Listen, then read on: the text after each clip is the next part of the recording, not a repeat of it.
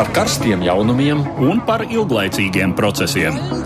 par idejām, par cilvēkiem, par naudu, Un par laiku, par abām mūsu planētas puslodēm. un lietojot abas smadzeņu puslodes. Ēterā raidījums divas puslodes. Ir ceturtdiena klāta raidījums divas puslodes studijā Edvards Liniņš un Mārija Ansone. Runāsim par notikumiem pasaulē. Eiropa, kas aizsargā šādu saukli savai prezidentūrai Eiropas Savienības padomē, izvēlējusies Austrija. Tās prezidentūra sākās nu pat 1. jūlijā. Austrija un tās konservatīvā valdība Sebastiāna Kurca vadībā par galveno uzdevumu šim pusgadam izvēlējusies Eiropas Savienības ārējo robežu aizsargāšanu no migrantiem. Kāds ir bijis Austrijas ceļš līdz tam, kāda tā kļūsi šodien, kāda būs tās prezidentūra? Tas būs mūsu raidījuma galvenais temats. Šodien raidījumā mēs īsti netiksim laukā no savas puslodes, jo arī pārējie temati skars Eiropas Savienību un runāsim par tās nepaklausīgo dēlu Ungāriju, kur nesen kriminalizēja palīdzības sniegšanu nelegālajiem imigrantiem. Eiropas parlamenta pilsonisko brīvību tieslietu un iekšlietu komiteja rosina pret Ungāriju iedarbināt bloka līgumu septīto pantu, kas atņemtu tai balstiesības Eiropadomē. Runa ir ne tikai par likumdošanu, kas skar imigrāciju, bet arī citiem lēmumiem, kas pēc komisijas domām pārkāpja bloka pamatvērtības. Un mēs atgriezīsimies pie Eiropas Savienības samita, kas notika pagājušās nedēļas nogalē. Arī tur lauvas tiesu uzmanības tika imigrācijas problēmām, lai gan tas, protams, nav vienīgais, kas Eiropai sagādā galvas sāpes un interesē arī mūsu trīs Baltijas valstis. Par ko spējuši vienoties Eiropas līderi, par to runāsim raidījuma noslēgumā. Un studijā ar mums kopā ir Latvijas Universitātes asociētais profesors politologs Ojārs Skudra. Labdien! Labdien! Un Latvijas Universitātes asociētais profesors vēsturnieks Raimons Cerūzis. Labdien! Bet sākam raidījumu ar dažām ziņām īsumā. Vēl divi cilvēki Lielbritānijā saindējušies ar to pašu nervus paralizējošo vielu, ar ko martā tika saindēts bijušais Krievijas dubultaģents Sergejs Skripaļs un viņa meita Jūlija. Tas ir noticis apdzīvotā vietā ar nosaukumu Eimesberī, kas atrodas tikai dažu kilometru attālumā no Solsberī, kur tika atrasti skripaļi. Šoreiz saindējušies vīrietis un sieviete 44 un 45 gadu vecumā. Incidents notika sestdienas vakarā, viņi tika nogādāti Solsberī slimnīcā, bet policija vēl nezina, kāpēc no Indes, Indes ir cietis šis pāris un kāds varētu būt indēšanas mērķis. Krievijā sabiedrības uzticība prezidentam Vladimiram Putinam pirmo reizi piecu gadu laikā nokritusies zem 50%. Par to liecina Krievijas neatkarīgās socioloģisko pētījumu organizācijas Levada centrs veiktā sabiedriskās domas aptauja. Vēl janvārī Putinam uzticējās 60% aptaujāto, bet šogad jūnijā tikai 48%, un tā ir pirmā reize kopš 2013. gada, kad atbalsts prezidentam bijis mazāks par 50%. Aptaujātie vismazāk uzticējās uzticas premjeram Dmitrijam Medveģevam, vien 9%, kas varētu būt saistīts arī ar valdības plāniem Krievijā palielināt pensionēšanās vecumu. Būtiski, ka Levada centrs nesaņem finansējumu no Kremļa un Krievijā iekļauts tā dēvēto ārvalstu aģentu sarakstā. Vai visu pasauli ar satraukumu sekot aizemiešu futbola komandas zēnu un viņu treneru glābšanas operācijai un nu, ir parādījusies jauna cerība viņus dabūt laukā no aplūdušā salas? Jau ir stāstīts, ka bērni kopā ar treneri tika iesprosto, iesprostoti alu labirintā un tikai brīnumainā kārtā pēc deviņu dienu meklējumiem viņus izdevās atrast. Tomēr nemazāk sarežģīti būs viņus nogādāt drošībā, jo ūdens sūknēšana sākotnēji nedēļa liels rezultāts, bet niršana ir bīstama. Tagad parādījusies jauna cerība, jo nemitīgi darbi Iedarbinot simtiem sūkņu, ūdens sācis atkāpties, tomēr laika nav daudz, jo sestdien tiek solīts liels lietusgāzes, kas atkal paaugstinās ūdens līmeni. Šīs vasaras sausums ir ne tikai Latvijas lauksaimnieku problēma. Ārkārtas stāvokli saistībā ar tā nodarīto kaitējumu lauksaimniekiem izsludinājusi arī Lietuvas valdība. Lēmums par ārkārtējās situācijas izsludināšanu ļaus zemniekiem samazināt saistības pret lauksaimniecības produkcijas uzpircējiem un elastīgāk izmantot valsts atbalstu. Pēdējo dienu laikā Lietuvā gan daudz viet līs, tomēr vairākās pašvaldībās situācija vēl aizvien atbilst stihiska sausuma kritērijiem. Bet Bet tagad pievēršamies raidījuma sākumā minētiem tematiem. Tātad šīs nedēļas galvenā saruna par Eiropas Savienības prezidējošo valsti Austriju. Otrā pasaules kara beigās Austrija kopš 1938. gada Vācu reiha sastāvdaļa tika sadalīta okupācijas zonās. Tomēr Austrijas politiskajai elitei izdevās līdz ar kara beigām izveidot uzvarētāju valstu atzītu valdību un panākt, ka Austrija tika uzlūkota kā atbrīvota valsts, nevis sakautā nacistu reiha teritorija. Par spīti sākotnējām iecerēm, Staļins atteicās no Austrijas sovietivizācijas plāniem, samierinoties ar striktu neutralitātes statusu. Attiecīgi Austrija nav pievienojusies NATO un samērā vēlu, tikai 1995. gadā, iestājās Eiropas Savienībā. Pirmajās pēckara desmitgadēs Austrijas politiskajā ainavā dominēja divi valdošie spēki - Austrijas sociāldemokrātiskā partija un konservatīvā Austrijas tautas partija. Apzinoties, ka kreiso un labējo ķildes lielā mērā bija sagrāvušas pirmskara Austrijas demokrātiju, Pēckara Austrijā sociāldemokrāti un konservatīvie veidoja ciešu aliansi, kas nemainīgi palika pie varas līdz pat 60. gadu vidum. Izveidojās pat īpatnēja varas un politisko funkciju sadalas sistēma, dēvēta par propors līdz galējai konsekvencei īstenota politiskā proporcionalitāte, kad ministru portfeļi tika dalīti starp abām partijām stingri atbilstoši vēlēšanu rezultātiem, un līdzīga partijiska amatu sadala tika īstenot arī augstākajā ierēdniecībā, valsts uzņēmumu vadībā, pat izglītībā un arī finanšu sfērā. 1966. gadā situācija mainījās. Tautas partijai iegūstot absolūto vairākumu parlamentā. Jauno politisko kombināciju nepieciešamība lika gan sociāldemokrātiem, gan konservatīvajiem meklēt trešā spēka - labējās Austrijas brīvības partijas atbalstu. Tobrīd gan šī partija jau pamatā bija tikusi vaļā no sākotnējās ar nacistisko pagātni saistītās reputācijas. 70. gados Brīvības partijā pati dominēja liberālas tendences. Tā atbalstīja sociāldemokrātu kanclera Bruno Kreiska mazākuma valdību 1970. gadā, bet 1983. izveidoja ar sociāldemokrātiem koalīcijas valdību. 70. gadi Austrijā bija sociāldemokrātu hegemonijas laiks, sociālo reformu un labklājības valsts celtniecības periods. Sociāldemokrāta un Brīvības partijas savienība beidzās 80. gadu vidū, kad Brīvības partijā atkal sāka izpausties labēji radikālas un populistiskas tendences, kuras iemiesoja līderis Jorgs Haiders. Viņa vadībā partija sasniedza savas popularitātes apogēju 1999. gada vēlēšanās, apsteidzot Tautas partiju.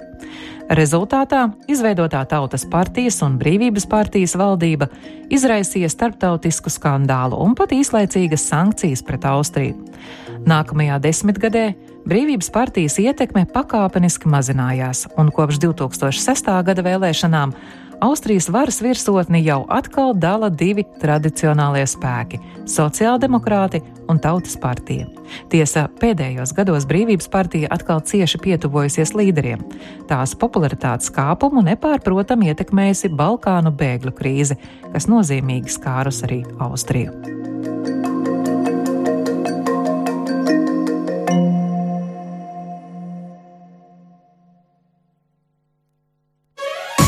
Divas puslodes. Jā, nu te nu man jāpapildina ar vienu teikumu, kas tehniski iemeslu dēļ ir iztrūcis šai komentārā. Tātad eh, pagājušā gada beigās, 2017. gada decembrī, pie varas nākusī Sebastiāna Kurca valdība atkal sastāv no Tautas partijas un Brīvības partijas. Tātad tā ir izteikti labēja varbūt uz kopējā Eiropas fona pat labēji radikāla valdība. Jā, bet eh, mēs jau ierakstā dzirdējām politiskās peripētīs, kā līdz tam varēja nonākt, bet jautājums ir par sabiedrības pieprasījumu. Kā varēja nonākt līdz tam, ka pašā Eiropas sirdī ir valsts ar uh, tik labēji radikālu partiju? Nu, cik lielā mērā Austrija ir Eiropas sirds? kartē skatoties, kartē skatoties. Vēsturiski noteikti Austrija ir ārkārtīgi nozīmīga sastāvdaļa Eiropas vēsturē. Nu, šeit ir jāatcerās tāds aspekts, ka e, Austrija bijusi ļoti cieši saistīta ar Habsburgu dinastiju, tad Austrijas impēriju. Un tie ir daudz gadsimtu Eiropas vēsturē, kad Habsburgi Eiropas likteni noteica, bija viena no svarīgākajiem spēlētājiem. Mūsdienās, protams, šai dinastijai vairāk nekādas nozīmes nav. Bet, ja mēs palūkojamies pāris gadsimtu senā pagātnē, ja mēs palūkojamies laika periodā, teiksim, pēc Napoleona kariem 19. gadsimta sākumā, tad mēs redzam, ka patiesībā Austrija bija tā, kas eh, savāca kopā Eiropu un stabilizēja Eiropas eh, politisko situāciju. Tolaik pēc Napoleona kariem ļoti nozīmīga personība bija um, Austrijas impērijas kanclers Klemens Meternīs un visu šo 19. gadsimta starptautisko politisko sistēmu, kas izveidojās pēc Napoleona kariem, mēs bieži e, atpazīstam kā Meternīha sistēmu vai nacionālo valstu sistēmu, ja, kad radās lūk tas nacionālais un valstiskuma pamats, politiskais pamats, ko mēs patiesībā arī mūsdienās Eiropā baudam. Ja.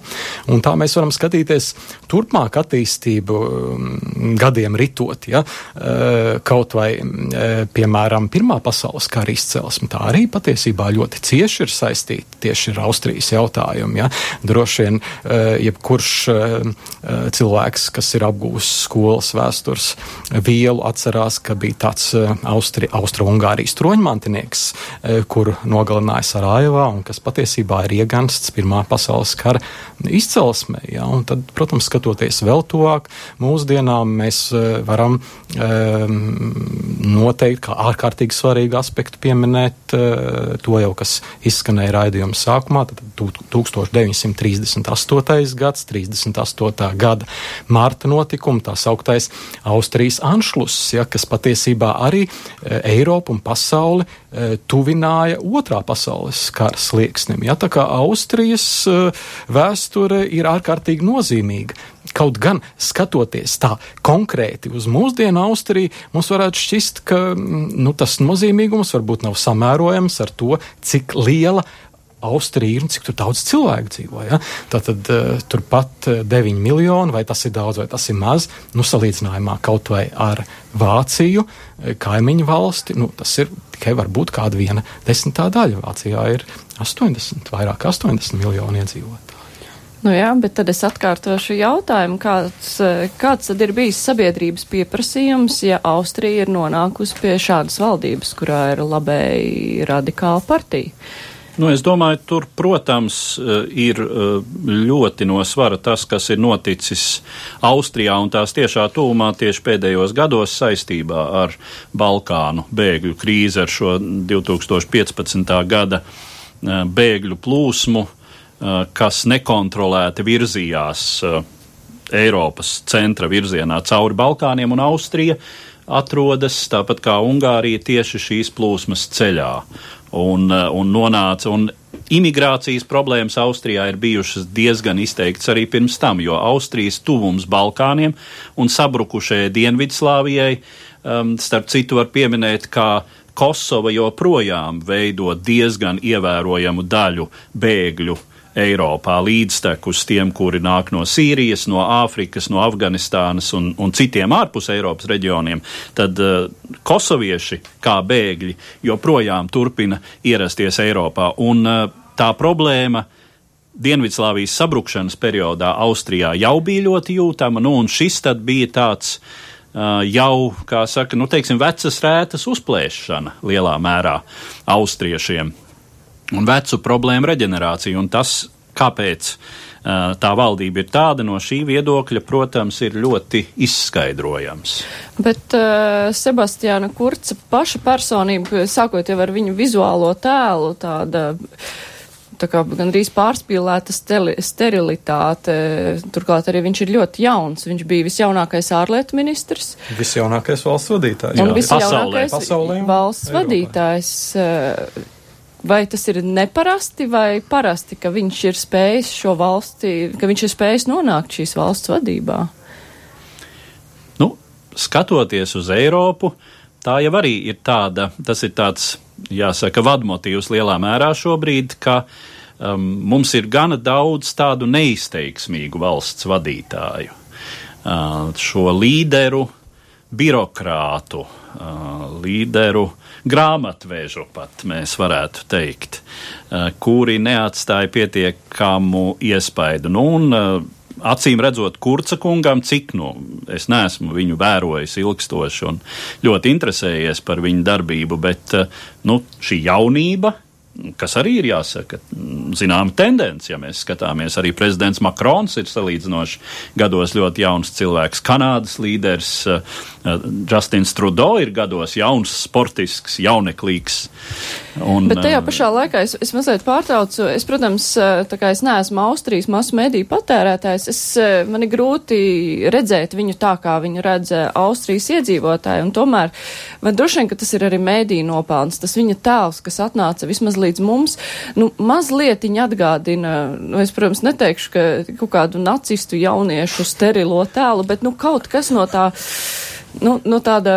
Hitlera jūgens tas noteikti nav. Nē, es, kādreiz. Nē, es domāju, bet tīri vizuāli tas viss ārkārtīgi kārtīgais, gludais, nu tas, kas uh, cilvēkiem saistās ar kaut ko vēsturē redzētu nesen.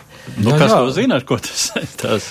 Es domāju, ka līdzīgi tiešām kā tas ir citvieta Eiropā, pašlaik ir paudžu māja pakāpeniski. Ja, un, acīm redzot, Kurts kungam ir tā gadījies, ka viņš ir ļoti aktīvi sācis jau jauns būdams nodarboties ar politiku, un tas tā arī ir jau skolas gados. Un, nu, acīm redzot, cilvēks harizmātisks, ļoti mērķtiecīgs un nokļuva arī pie šī amata.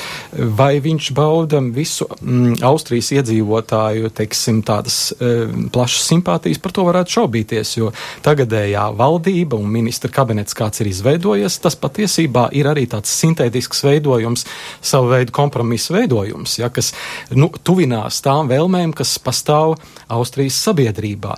Bet vai, vai pats Sebastians Kurts ir tas, kas būs tas harizmātiskais līderis Austrijai un arī pārējai Eiropai, par to varētu arī šaubīties. Bet vai draudzība ar eh, šiem te labējiem radikāļiem tā ir tāda uzspiesta? Spiesta vai nepieciešamība, vai, vai šī draudzība ir patiesa vai nepieciešamība?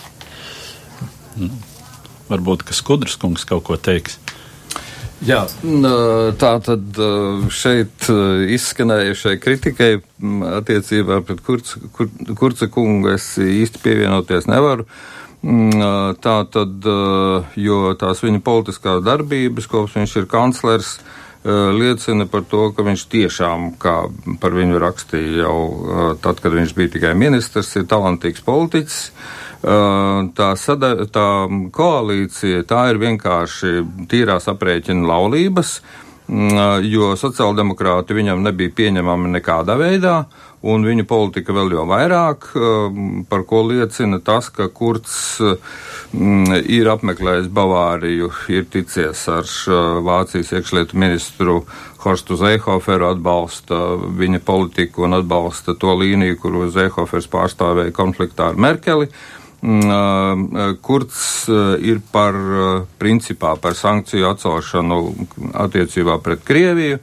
Mm, viņš tā kā solījies tagad prezidentūras laikā uh, būt tā kā starpnieks starp Višegradas grupējumu un Franciju un Vāciju, kas īsti nevar uzņemties līderu lomu Eiropas Savienībā. Tā kā es teiktu tā, nu, ka viņa valdība ir acīm redzot tomēr sabiedrībā pastāvošā vairākuma pieprasījums, jo citādi jau tā valdība nebūtu izveidojusies. Un pagaidām nekas neliecina, ka viņa varētu piedzīvot līdzīgas krīzes, kā piedzīvo Vācijas valdība, kur sociāldemokrāti ir valdībā. Bet uh, tas, ka Austrijā ar demokrātiju un šīm dažādajām varas svirām viss ir kārtībā, droši vien liecina kaut vai konstitucionālās tiesas spriedums, kas uh, galīgi neliecina par to, ka valdības sadībā būtu kādi konservatīvie spēki, ja mēs runājam par šo te trešo dzimumu, kas tika atzīts. Uh, Ne, ne, protams, ka Austrijā mēs nevaram runāt ne par ko tam līdzīgu, ko mēs vērojam Ungārijā un, uh, un Polijā. Um, šobrīd uh, kaut vai tāpēc, ka tiešām šī valsts ir ar daudz iesakņotāku demokrātiju šai valstī, uh, kā bijušajai tomēr nacistu reiha teritorijai tika pievērsta pēckara periodā pastiprināta uzmanība. Nu, teiksim tā, var droši vien diezgan diskutēt par to, cik pamatīga bija denacifikācija Austrijā, bet nu, tas, ka uh, pietika ar jau piesauktā nelaiķa Haidera kunga laikam vienu neuzmanīgu izteikumu par to, ka Hitleram ir bijusi efektīva nodarbinātības politika, Uh, un uh, ar to pietika uh, nu, teju vai histērijai Eiropā, un nu, Izraela atsauca savu vēstnieku no Austrijas tajā brīdī, un vairākas Eiropas valsts ieviesa, nu, ne, ne tādas ļoti jūtamas, bet, bet tomēr sankcijas. Nu, sankcijas par to, ka šāda partija, jo pats Haiders tajā brīdī valdībā nenonāca, un viņš pat atkāpās no tūdaļ no partijas um, līdera posteņa. Bet, protams, ka uh, um, no vienas puses, um, nu, nevar, nevar prognozēt neko tādu, kā es teicu, kas varētu līdzināties uh, Orbānismam, piemēram, Ungārijā. No otras puses, nu, interesanti ir šī Austrijas. Uh, šis Austrijas apsolījums kļūt par tiltu starp uh, centrāla Eiropas bijušajām uh, postpadomju valstīm, tātad Ungāriju, arī acīm redzot Poliju, Čehiju. Nu, redziet, no vienas puses tās visas ir kādreizējās piesauktās Habsburgu impērijas zemes, un vēsturiskās saiknes tur, protams, ir, un ir no tā viedokļa ir diezgan loģiski, ka Austrija šādu lomu uzņemas. Bet, nu, vai tas, vai, teiksim, plaisa, iespējamā plaisa, kas uh, kas eh, citādi varbūt iezīmējas starp Austrumu Eiropu, nu, šai, šo padomu laika terminu lietojot, eh, un Rietumu Eiropu tādā vērtību ziņā, par ko mēs arī runāsim, vai tā pēkšņi zināmā mērā nevar, nevar iet uz rietumiem no vīnes. ja, tas arī ir jautājums, par kuru droši vien var var būt dažādi viedokļi. Bet tas, ko Skudrs kungs minēja, prezidentūras viens no uzdevumiem būs sarunas ar Krieviju, attiecību sakārtošana ar Krieviju. Austrijai tā ir tāda tīri pragmatiska interese. Nē, es domāju, ka nu, jāatcerās, Austrija nav NATO dalība valsts, un līdz ar to Austrijas ārpolitika ir neitrāls valsts ārpolitika. Tāpat kā tas ir, teiksim, Zviedrijas gadījumā. Līdz ar to, teiksim, nu, tā, tā tilta funkcija arī šādā kontekstā ir jāskatās. Un, un, un protams, ka Kurts domā vispirms par, par ekonomisko izdevīgumu, ja runājam par attiecībām ar Krieviju un tā tālāk. Viņš jau, kā saka, neierosina nekādus tur priekšlikums un tā tālāk, bet nu, viņš principā saka līdzīgi, kā to ir formulējis Trumps attiecībā uz G7 un, un arī attiecībā uz sankcijām, un tāpēc visi ar nepacietību gaida 16. jūliju un Trumpa un uh, Putina tikšanos Helsinkos, bet, uh, bet kas attiec uz Kurcu, uh, es, es nedomāju, ka viņas prezidentūras laikā kaut kādas ļoti lielas aktivitātes Austrija izrādīs tieši ārpolitiskajā jomā. Uh, Austrija nodarbina vispirms un galvenokārt uh, Banku savienība, nodokļu politika, nodarbinātība, digitalizācija, mm, tā tad eirozonas tālākā attīstība vai neattīstība, jautājums par integrācijas, padziļināšanu vai nepadziļināšanu. Un, un, un, protams, numur viens, tas arī no, no politiskā viedokļa un saistībā ar nākamā gada Eiroparlamenta vēlēšanām, protams, numur viens paliks imigrācijas politika, kur uh, viņš jau ir paspējis izteikties, nu, ka mm, uh, viņš nepieņems vienpusēju Vācijas risinājumu attiecībā uz uh, bēgļu šīm, tā teikt, nometnēm nosacītajām, kuras, kā Merkel izteicās vakar intervijā, no viņas ir domāts tikai tam, lai cilvēki tur uzturētos 48 stundas, un šo 48 stundu laikā viņi atrodas policijas uzraudzībā un ir jāpieņem lēmumu, kas ar viņiem notiek tālāk. Nu, Zēders, Zeihofers saka, viņi ir jāsūta atpakaļ uz to vietu, kur viņi ir reģistrēti. Tā kā, var sakot, nu, redzēsim, kā kurcam beidosies uh, sarunas ar Vāciju šajā jautājumā, jo mm, tas uh, lielā mērā nozīmē to, ka mm, Austrija var nākties saskarties ar tiem no Vācijas izraidītajiem cilvēkiem, kuri nedomās doties atpakaļ uz Itāliju vai Grieķiju, bet gribēs palikt Austrijā. Viena piebilde varbūt šeit eh, par mm, Austrijas neutralitāti. Eh, protams, tāda tā bija. Eh, un iecer, teiksim, kad eh, šo neutralitātes principu pieņēma 1955. gadā arī tāda bija, tas bija ļoti tāds dzelžains padomu savienības uzstādījums, citu līdzīgu attīstību arī padomu savienība gribēja redzēt Vācijas gadījumā, bet par Austriju mēs tā nevaram teikt, ka tā ir tāda absolūta neutralitāte, kaut vai mm, paskatoties, kas Austrijā notiek vai viņa pati spēj savu neutralitāti nodrošināt. Un tam mēs redzam, piemēram, ka viņas bruņojumā ir iznīcināta Eurofighter.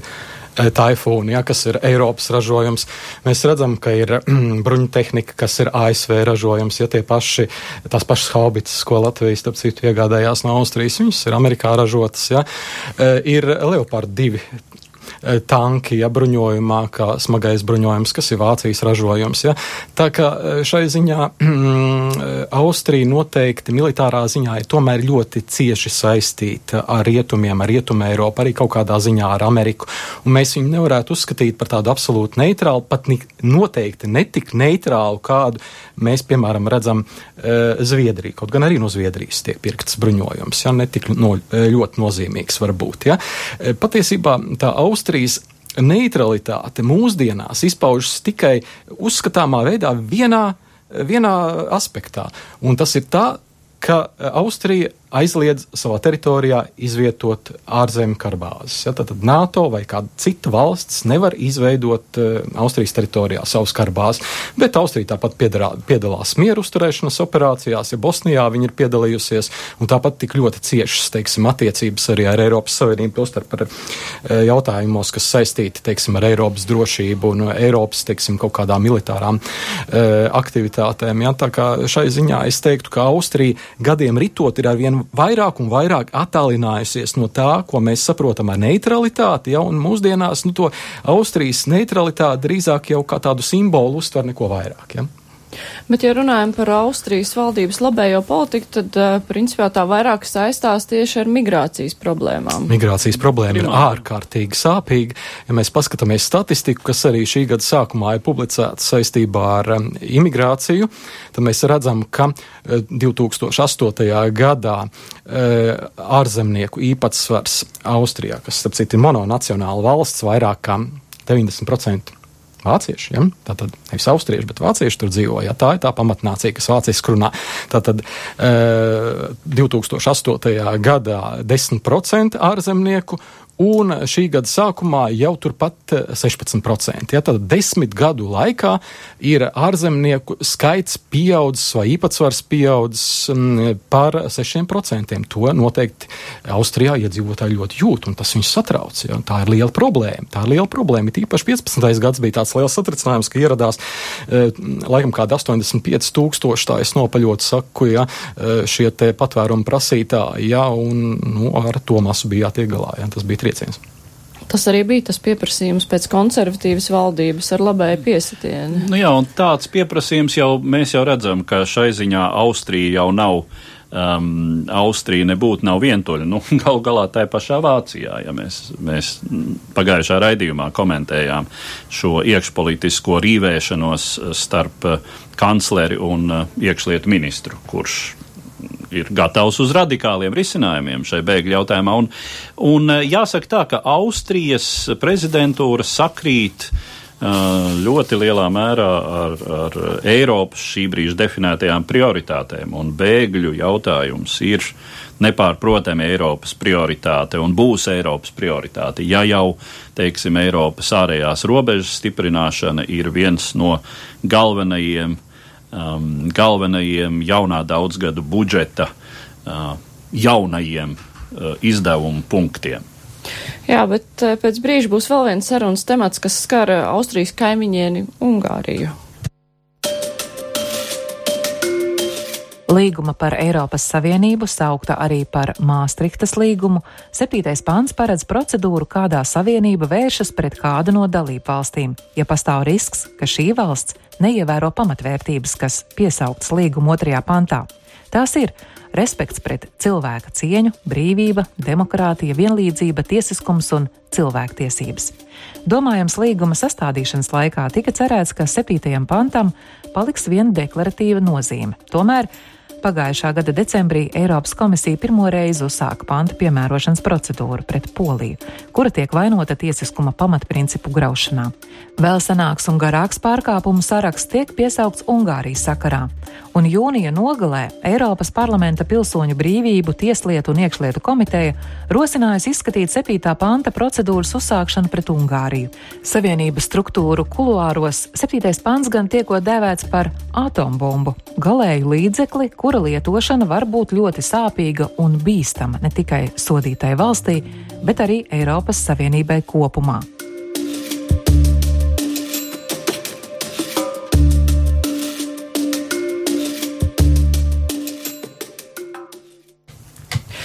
Es atgādināšu, ka studijā ir Latvijas Universitātes asociētais profesors politologs Ojārs Skudra un vēsturnieks arī Latvijas Universitātes asociētais profesors Raimons Cerūzs. Te tika pieminēta atombumba, šis septītais pants.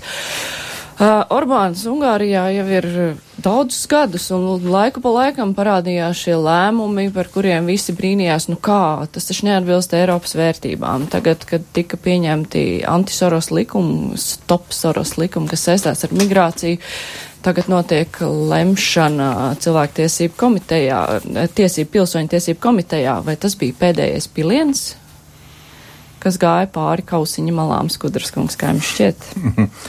Nē, vārdu sakot, Viktors Orbāns, ministra prezidents, šodien no rīta pārbaudīju kancleres mājaslapā, ieraksts ir saglabāts, tātad tie, kas Berlīnē ar kancleri, saruna, nevis vizīte, pārunāšot divpusējos Eiropas politikas un starptautiskās tēmas, pēc tam informēšot presi. Preses konferences nebūs uz jautājumiem, ko jūs te gribat uzdot, uh, neatbildēs. Tā tad, uh, tāpēc es prognozēju, ka mm, parunās un, un, un varbūt nosodīs, bet ar to arī viss tā lieta beigsies. Uh, Jo mm, šīs problēmas, nu, ja runājam par, par Soros finansētajām nevalstiskām organizācijām, tīpaši Eiropas Centrāla Eiropas Universitāte, var sakot, nu, tur varbūt tā, tas konflikts ir mazliet asāks, jā, bet, bet tajā pat laikā amerikāņu kapitāla ieguldījumi Ungārijā ir ļoti lieli. Mm, un, un teiksim, pārmest uh, antisemītismu Orbānam nevar, jo, jo priekšvēlēšana kampaņā viņš, vērsa, viņš uzvarēja izmantojot divas tēmas uh, - imigrācijas problēma uh, un antisorasisms. Uh, un, uh, var sakot, kas attiecas uz, uz šo komisiju, nu, es, es prognozēju, ka, ka tas beigsies ar nosodījumu, ne ar ko vairāk.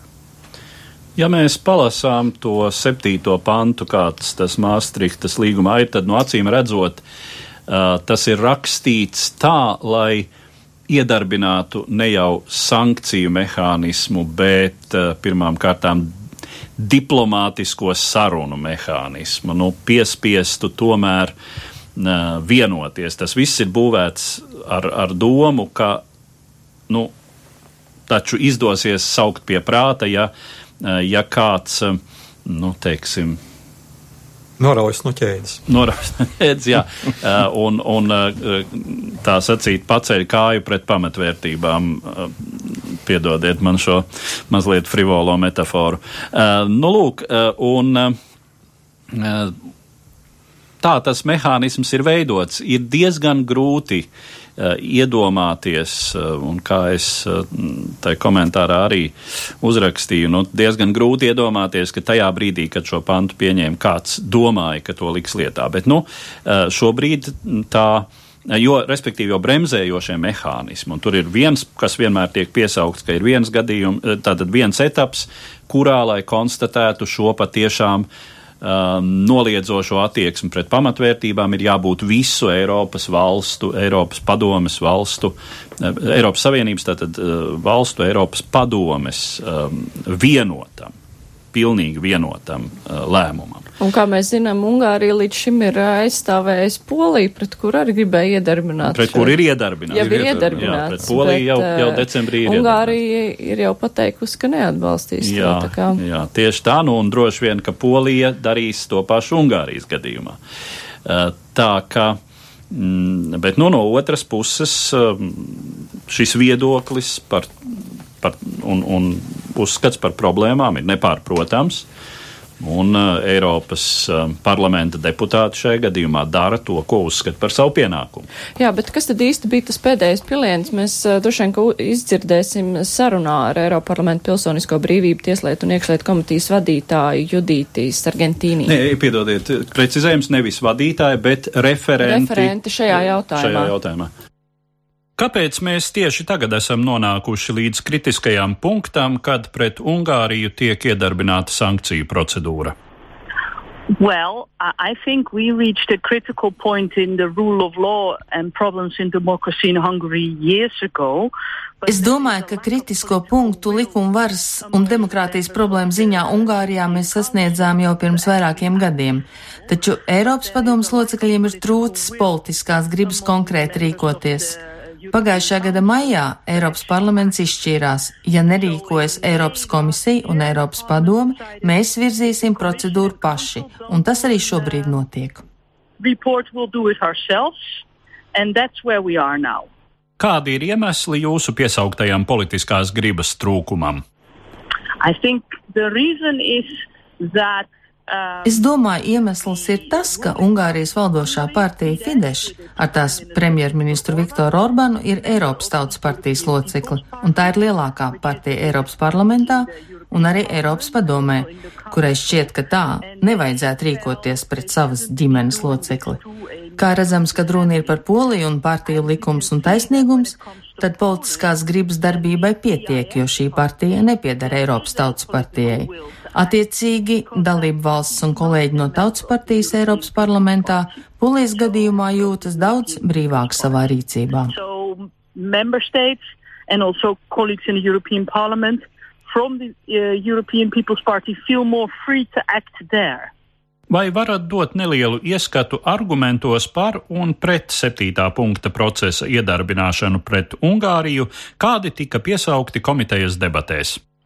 Well, I'm the rapporteur on the file, so I'm not going to give you the answers contra. Es esmu ziņotāja par šo lietu. Es negrasos jums izklāstīt argumentus pret, jūs sarunājaties ar politiķi. Taču es varu paskaidrot, kādas šobrīd ir problēmas ar Ungāriju. Tā ir nepietiekama tiesu varas neatkarība, tas, ko mēs redzam notiekam Polijā vakar un šodien, Ungārijā ir noticis jau pirms pāris gadiem. Ir tikuši slēgti laikraksti, notikuši uzbrukumi pilsoniskai sabiedrībai, pēdējās izmaiņas nevalstisko organizāciju likumā nozīmē to, ka, ja jūs kā Ungārijas pilsonis vēlties nedaudz palīdzēt kādam migrantam ar pārtiku vai pajumti, jūs par to var arestēt. Pieauga ebreju un romu diskriminācija, pasliktinās datu aizsardzības režīms. Politiskajām partijām tika likt šķēršļi priekšvēlēšana kampaņā, draudot ar lielām sodu naudām. Ir plašs jautājumu lokus, kurā vērojam pasliktināšanās demokrātijas, tiesiskuma un Eiropas vērtību respektēšanas ziņā. That the democracy and the rule of law and respect for European values is deteriorating. Vai jūsuprāt, mēs piedzīvojam plašāka mēroga tendenci pamatvērtību neievērošanā Eiropas vai vismaz Austrum Eiropas mērogā? I hope not. And I do think that an Article 7 procedure is a very Es ceru, ka nē. Un es uzskatu, ka septītā panta procedūra ir līdzeklis, pie kura ķeraskat problēmas ir vērojams plašā apjomā. Es domāju, ka pilsoņi visās Eiropas valstīs vēlas plurālistiskus brīvus mēdījus, vēlas būt droši par tiesu varas neatkarību. Es atsakos šeit saskatīt kādu tendenci. So, uh, Mēs zinām, ka Polija un Ungārija varētu bloķēt iespējamo 7. panta procedūras virzību attiecībā viena pret otru. Vai šīm valstīm nevarētu parādīties vēl kāds šāds advokāts, vai par tādu nevarētu kļūt Itālija ar tās jauno valdību? Well, you understand that the government in Italy with the Lega, which is an extreme right party, is not. Jūs saprotat, ka Itālijas valdība, kurā piedalās tāda galēji labēja partija kā Ziemeļa līga, nav tā, kura man personīgi varētu patikt. Taču Itālijai ir cita ievirze. Viņi cenšas panākt solidaritāti savienības ietvaros, lai tiktu galā ar bēgļu un migrantu plūsmu. Ja Itālijas sabiedrotos ar tādu valstu kā Ungārija, tad tā būtu tālāk nekā jebkāda nekad no tā vēlamās solidaritātes. Katrs aktualizē savas problēmas, un, manuprāt, Itālijai būtu neveselīgi iet to ceļu, kur iet Ungārija, jo tad tā var aizmirst par kādu sadarbību.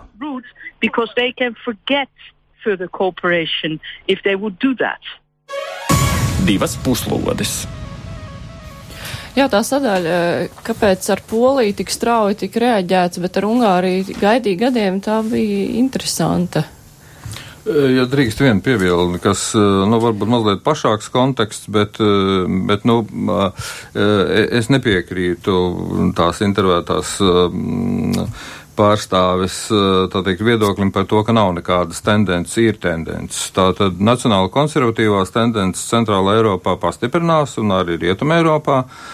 Un visticamākais nākamais Eiropas parlaments, kur nākamgad ievēlēs, būs konservatīvāks. Es, es prognozēju ievērojami konservatīvāks nekā pašreizējais, bet uz drīzāk tādu galēji konservatīvu politisko spēku rēķina, kuri būs pārstāvēti Eiropas parlamentā. Par to liecina pēdējā aptauja Vācijā jau pēc Merkeles un, ja pareizi sakot, vienlaicīgi ar to strīdu starp Zeihoferu un Merkeli. Tātad kristīgos demokrātus atbalsta 29% vēlētāju, sociāldemokrātus 19%, bet alternatīva Vācijai jau 16,5%. Un, ja tā šī tendence turpināsies, sociāldemokrāti un alternatīva Vācijai, tad radikāli labējie politiskie spēki, viņiem būs aptuveni līdzvērtīgas pozīcijas. Un, un tas tikai liecina par to, kas nu, ir sagaidāms šā gada rudens Landtāga vēlēšanās. Ja jau Vācijā ir šāda tendence, tad es varu iedomāties, kādas tās tendences būs Centrāla Eiropā.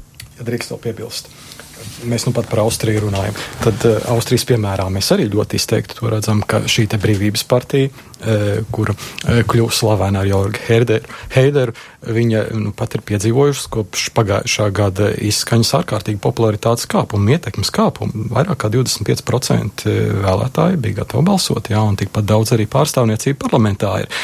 Un patiesībā visi svarīgākie, tādi prestižākie valdības amati, tādi kā iekšlietu, ārlietu ministra amati, ja, vicepremjera amati, iekšlietu ministrs, iekšlietu ministrija, ja, tad, tad e, aizsardzība arī, starp citu, ja, tie atrodas brīvības partijas pārziņā. Ja. Tātad šī te tendence, viņa ir tiešām, var tikai piekrist kolēģim, viņa ir novērojama, un kā akadēmisko aprindu pārstāvis var noteikti to apstiprināt. Te runātāji, kas teica, ja, protams, viņi gribēja būt politiski korekta un nu, pasniegt lietas tā, kā politiķi to gribētu redzēt, bet tendence ir tāda, ka šīs te labējās partijas ar nacionalistisku ievirzi, viņas iegūst popularitāti. Tā ir tendence Eiropas sabiedrībā varbūt izteiktāk centrālajā un austrumē Eiropā, iespējams, bet iespējams arī nē. Nu, tā ir tā nākotne, kas mūs sagaida. Pārvērtības noteikti. Bet, nu, jā, var piebilst, ka Sargentīnī kundze pārstāv Itāliju un Zaļo partiju. Jā. Bet eh, kā jau izskanēja, nekāds septītais pants droši vien iedarbināts eh, līdz galam netiks eh, ar valstīm tikai parunās, bet jautājums, vai šī parunāšana dos kaut kādus rezultātus, vai piespiedīs Ungāriju mainīt lēmumus?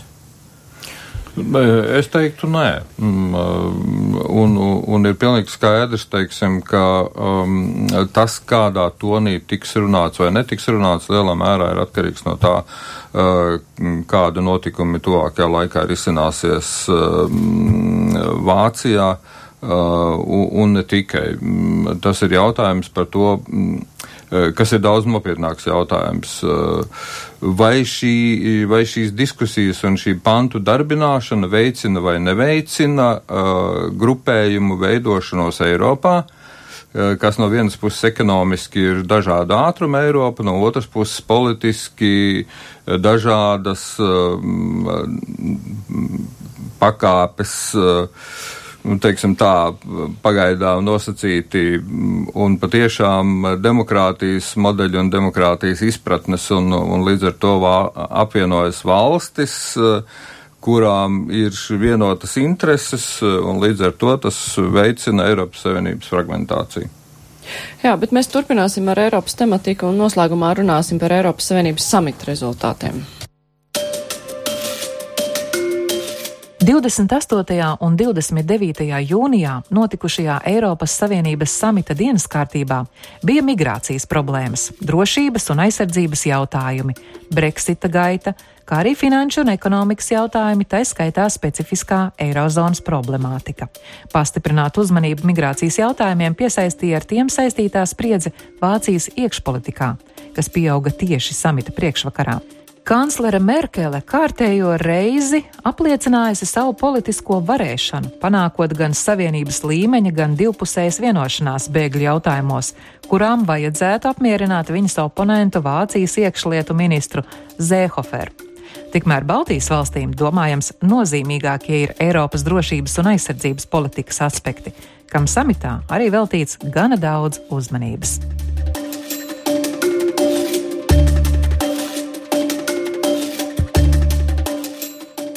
Ierakstā jau tika minēts, jā, Merkel ir panākusi vienošanos gan Eiropas Savienības mērogā, gan arī spējas vienoties ar savu iekšlietu ministru, kādēļ pirms tam draudēja valdības izjukšana, bet vai šis, šie lēmumi gal galā tie, ar ko Angela Merkel var lepoties, ņemot vērā viņas iepriekšējo politiku? jo šos lēmumus par bēgļu centru izveidošanu tomēr daudz arī kritizē, tajā skaitā arī Vācijas sociāldemokrāti. Uh, nu, e, es varbūt piesaukšu aptaujas rezultātus. 3. jūlija aptauja ir Vācijā tāda mm, firma uh, Civei, kas lielā mērā izmanto uh, kompjūtera aptaujas, izmantojot internetu, vārdu sakot, bet, bet tie rezultāti ir korekti no, no, no socioloģiska pētījuma viedokļa. Tā tad šo vienošanos, es atvainojos, nevis šo vienošanos starp Zehoferu un Merkeli, bet uh, bet eh, jūs pieminētās um, Eiropas Savienības padomes uh, rezultātus migrācijas politikas jautājumā. Aptaujātie Vācijā 44,4% novērtē negatīvi, 37,7% pozitīvi, 13% nezinu, ko teikt, un 4,9% nav spējīgi spriest. Bet, vārdu sakot, 44,4% negatīvi. Jautājums par motīviem vai motīvs ir nepietiekami, vai motīvs ir, ka nav ar ko lepoties. Nu, motīvs eh, visticamākais ir tas, par ko arī Kurts runā un par, par ko ir eh, runa arī Austrijas prezidentūras programmā. Uh, Kurts runā par to, ka vajadzētu panākt Eiropas Savienības lēmumu par to, ka Schengen, arī Schengen zonas valstis uh, drīkst uh, uz laiku, kad viņas uzskata to par kritiski svarīgu sev, vispirms iekšpolitiski tā tad, um, atjaunot robežu kontroli. Uh, tā tad, uh, un, un uzturēt to robežu kontroli tik ilgi, cik ilgi pastāv tā problēma.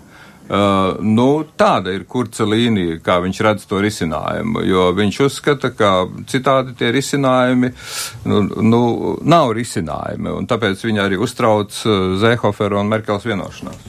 Bet tajā pašā laikā tie cilvēki, kur ir atbalstījuši Angela Merkela vēlēšanās, viņam atbalstīja viņas arī imigrācijas politiku, acīm redzot jautājums, vai viņas atbalstītāji tagad viņu joprojām atbalsta šajos jautājumos. Nu, es, es domāju, ka eh, tie viedokļi dalās. Eh, tā tad, eh, ja reiz ir, te ir jānodala Merkeles personība. Merkeli kā kancleri joprojām atbalsta.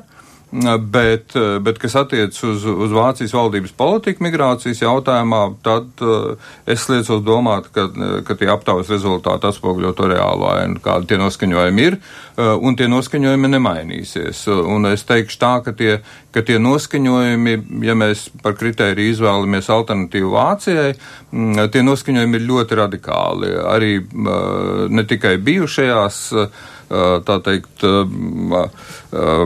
padomjas zonas valsts VDR federālajās zemēs, bet, bet, bet arī Rietumvācijā vecās, vecajās federālajās zemēs. Tā, tāpēc, nu, man personīgi šķiet, ka, ka, ka teiksim, tie tie kompromisi, kurus mēģina panākt un, un daļēji panāca arī Eiropas Savienībā, um, ka tas, tas īstais, uh, tā teikt, nu, uh, jautājums, kurā virzienā tad uh, reāli politika virzīsies un praktiskie soļi tiks spērti, um, tas laikas sprīdis, līdz kuram tas ir, tas jautājums, tas risinājums ir jāatrod.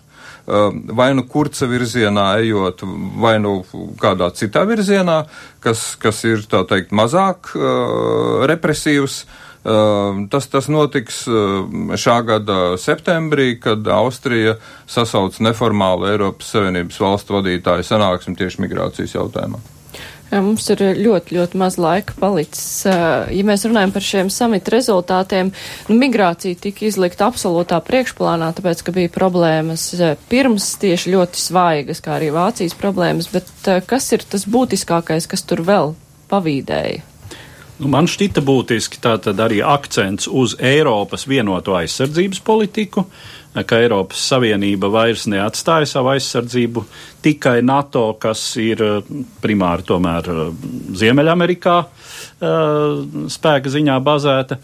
Nu, tātad tur ir arī konkrēti akcenti, kas ir veltīti mūsu austrumu kaimiņam par pretdarbošanos dezinformācijai par, par tātad, tīklu drošību un nu, tāds vēl viens moments, kas parādās šais samita noslēguma dokumentos, aicinājums Krievijai atzīt savu atbildību par zināmā Malēzijas civilā avioreisa notriekšanu Ukrainā un sadarboties patiesības noskaidrošanai. Skudrškungs, ir ko piebilst, mums pusminūtīt vēl palikusi. Nē, es domāju, ka, uh, nu, varbūt uh, būtu nepareizi tagad uh, iztēloties to samitu kā, tā teikt, migrācijas samitu.